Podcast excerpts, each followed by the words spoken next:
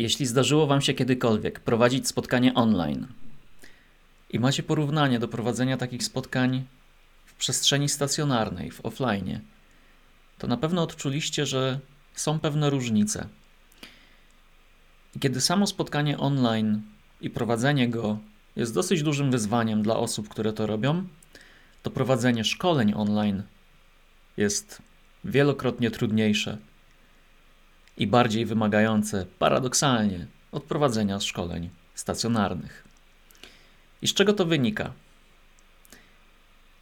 I od razu zaznaczę, dzisiejszy odcinek jest głównie dla tych, którym zdarza się od czasu do czasu albo częściej prowadzić szkolenia online lub szkolenia stacjonarne. Kiedyś prowadziliście i teraz musicie w online. I jednocześnie ten materiał, ten przekaz, który mam dzisiaj, jest dla tych wszystkich, którzy biorą udział w tych spotkaniach, w tych szkoleniach. Bo musicie wiedzieć o tym, jak bardzo wymagające to jest z punktu widzenia trenera, facylitatora, osoby prowadzącej takie spotkanie w przestrzeni wirtualnej. Bo jest wiele powodów, dla których to jest super wymagające. Pierwszym, który przychodzi mi zawsze na myśl, jest to, że te spotkania męczą nas bardziej niż gdybyśmy mieli się spotkać twarzą w twarz na sali szkoleniowej czy w sali konferencyjnej. Z jednej strony jest sfatygowanie zoomem, ograniczenia technologiczne, obciążenie poznawcze, które wynika z tego, że patrząc w kamerkę, kamerka spogląda na nas, zastanawiamy się, czy z naszym otoczeniem jest wszystko na tyle w porządku, że możemy je pokazać innym ludziom. Z drugiej strony istnieje opóźnienie pomiędzy tym, co do siebie mówimy i tym, co odbieramy, a z trzeciej strony, i pewnie z czwartej i z piątej, jest masa różnego rodzaju rozpraszaczy, które mamy przed sobą na ekranach monitorów w pootwieranych zakładkach przeglądarki. No i dodatkowo też tych spotkań jest dużo więcej niż kiedykolwiek. Zaoszczędziliśmy czas przez to, że możemy pracować zdalnie, bo nie musimy się przemieszczać. I w lukę tego zaoszczędzonego czasu włożyliśmy dużo więcej aktywności, które są powiązane właśnie między innymi ze spotkaniami. Z takim siedzeniem monitor w monitor. Dzisiaj ludzie spotykają się bardziej w tej relacji niż w jakiejkolwiek innej. I jednocześnie to powoduje, że zaczynamy czuć się obciążeni pracą zdalną. Zaczynają nam doskwierać różnego rodzaju e, przypadłości związane z tym, że się zasiedzieliśmy. Bo mało kto w trakcie w, trak w trakcie takiej pracy biurowej, zdalnej, dba o to, żeby poruszać się, pochodzić, postać. Większość z nas siedzi przez to 8-10 godzin wpatrzonych w monitor, no i to wiadomo, jak na nas wpływa. I przez to zasiedzenie czujemy się dużo bardziej zmęczeni. Jeżeli takie spotkanie online czy szkolenie online jest którymś z kolei w ciągu tego dnia, to nie ma się co dziwić, że jesteśmy zmęczeni i dużo trudniej jest do nas dotrzeć osobie prowadzącej to spotkanie, niż gdybyśmy się spotkali w jakiejś przestrzeni fizycznej, gdzie moglibyśmy wstać od stołu, przejść z jednego kąta sali do drugiego, napisać coś na flipcharcie. Taka specyfika czasów. Więc pierwszy powód, dla którego prowadzenie spotkań, a przede wszystkim szkoleń online jest super trudne, to to, że jesteśmy tymi spotkaniami onlinem zmęczeni. A przynajmniej męczy nas dużo bardziej niż offline. Drugi powód, dla którego prowadzenie szkoleń online, spotkań, wsadźcie tutaj co chcecie, jest dużo trudniejsze niż tych stacjonarnych, to to, że uczestnicy tych wydarzeń są użytkownikami aplikacji których używamy do tego, żeby się ze sobą spotkać. No i jeżeli jesteśmy oblatani w tych wszystkich programach, to nie ma problemu. Włączamy jeden program, łączymy się. Jeśli są jakieś trudności, to potrafimy sobie z nimi poradzić. Ale jeżeli raczej nie jesteśmy osobami, które pasjonują się poznawaniem nowych narzędzi do wideokonferencji, wirtualnych tablic, to będzie to dla nas trudne, bo za każdym razem to jest coś nowego, musimy się tego nauczyć. Może to powodować w nas stres, że osoba prowadząca spotkanie o coś nas prosi, a my nie wiemy, gdzie mamy kliknąć myszką, gdzie spojrzeć. Nagle się gdzieś gubimy na tej e, tablicy. Dlatego jeżeli prowadzicie spotkania online, to tak bardzo ważne jest przygotowanie ludzi do tego spotkania, szczególnie pod kątem narzędzi. Wystarczy przygotować instrukcję, wystarczy dać trochę czasu wcześniej, żeby ludzie mogli się zaznajomić z tym narzędziem. Oczywiście zakładając, że będą chcieli to robić. No bo jeśli nie będzie gotowości z ich strony, żeby chociaż przez 3 minuty poklikać po tym narzędziu, które ma nam pomóc w osiągnięciu konkretnych celów, no to pewnych rzeczy nie przeskoczymy. Ale ta bariera technologiczna, która jest w tym aspekcie, bo z jednej strony technologia nas do siebie przybliża, bo będąc u siebie w domu możemy się spotkać i przeprowadzić szkolenie z, gdziekolwiek byśmy nie byli na świecie, to z drugiej strony technologia też jest barierą. Dlatego warto też dobierać te narzędzia do pracy online, które są najlepiej zaprojektowane, a przez najlepiej rozumiem takie, które będą względnie proste do nauczenia się w ciągu pierwszych minut od e, rozpoczęcia korzystania z takiego narzędzia. Uczestnicy naszych spotkań stają się użytkownikami aplikacji. Wybierajcie te aplikacje, których używacie do przeprowadzania spotkań online mądrze. I przede wszystkim znajdźcie ich podstawowe możliwości.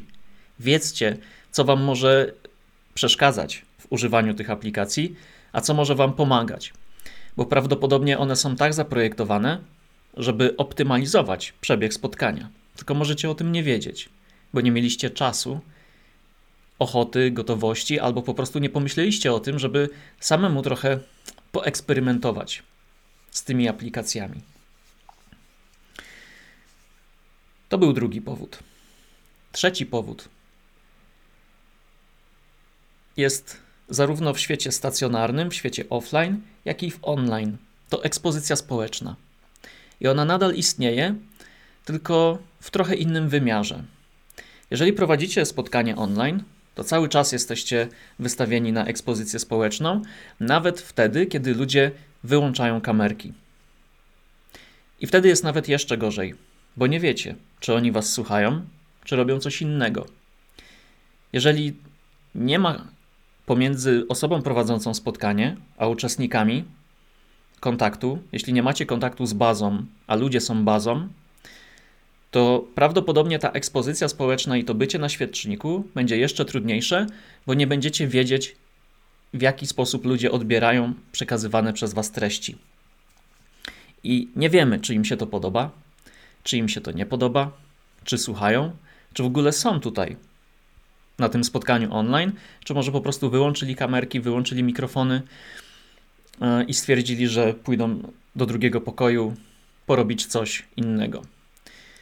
Dlatego to jest trudność, z którą możemy sobie radzić tylko i wyłącznie poprzez poproszenie ludzi o włączenie kamerek, o bycie z nami na spotkaniu i takie projektowanie tych spotkań, szkoleń, żeby mieć jak najwięcej punktów styku z uczestnikami. Czy to poprzez zadawanie pytań zamkniętych na zasadzie, czy wszystko w porządku i dajcie kciuki, to mogą być kciuki pokazane do kamery, to mogą być kciuki wirtualne. I nie zrozumcie mnie źle. Nie chodzi o to, żeby ludzi za każdym razem przymuszać do tego, żeby mieli włączone te kamerki.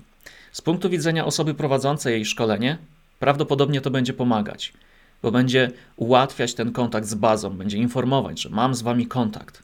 Przynajmniej taki E, pasywny, bo was widzę i wy widzicie mnie. I jest to obustronna relacja, jest względna symetria. Ale niech to nie będzie przymusem. Z uczestnikami spotkania możemy się komunikować na wiele sposobów i na przykład możemy wiedzieć, czy oni są w procesie, e, kiedy zaprosimy ich do procesu, na przykład do wykonania jakiejś aktywności i na wirtualnej tablicy będziemy widzieć e, te tańczące kursory, gdy ludzie coś robią na tej tablicy, gdy wykonują jakąś aktywność i niekoniecznie się z nami komunikują aktywnie.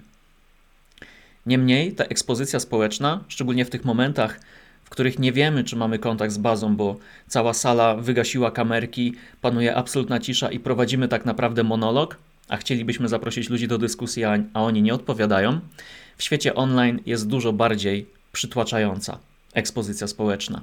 I cisza, i cisza jako taka Dlatego warto się z nią oswoić, z ciszą i z ekspozycją społeczną, szczególnie w świecie online. Czwarty powód. Przestrzeń do pracy dla każdego z nas wygląda inaczej w online. Używamy różnych systemów operacyjnych. Ktoś może pracować na Windowsie, na Mac OSie, czyli na MacBooku, e, na Linuxie. Ktoś może używać przeglądarki X, Y, Z. I to może sprawiać, że w zależności od tego, jakiego oprogramowania używamy, to miejsce wirtualne, nawet tablica wirtualna, ten wirtualny stół, przy którym wszyscy się gromadzimy, dla wszystkich może wyglądać inaczej. Dla każdego może wyglądać inaczej. I to może powodować różne stresujące, szczególnie dla osoby prowadzącej sytuacje, które wyglądają mniej więcej tak. Z punktu widzenia prowadzącego szkolenie, wszystko jest w porządku. Aplikacja działa tak, jak powinna. Widzę to, co chcę widzieć, to, co zaprojektowałem, i nagle ktoś z sali mówi, że ja tego nie widzę. Nie wiem, gdzie jestem, u mnie się coś nie załadowało. I jako użytkownicy aplikacji, będący jednocześnie uczestnikami spotkania, nie jesteśmy nauczeni tego, żeby w bezpośredni, klarowny i jednoznaczny sposób komunikować, co tak naprawdę u nas nie działa. I jeżeli jako facylitator spotkania, osoba prowadząca spotkanie, nie nabędziemy takiej umiejętności szybkiego dochodzenia e, do sedna sprawy, czyli uzyskania od użytkownika takich informacji, które nam powiedzą, co ta osoba tak naprawdę widzi na tablicy albo czego nie widzi, to będziemy mieć w sobie rosnące poczucie stresu, uczucie stresu, że u mnie działa, a u uczestników nie działa i nie wiem, co się dzieje. I może się jeszcze wydarzyć coś takiego, że inni uczestnicy będą właśnie odzywać się i odpowiadać, że u nas działa. I to nic nie wnosi do sprawy ponad dodatkowy stres, bo jedna osoba mm, ma jakąś trudność techniczną, pozostali ich nie odczuwają, więc jako trener możesz się zastanawiać, co jest na rzeczy. I zawsze warto wtedy skorzystać z prostych metod. Odśwież stronę, wyjdź i wejdź jeszcze raz do programu. Uruchom przeglądarkę w trybie prywatnym, incognito. Zmień przeglądarkę.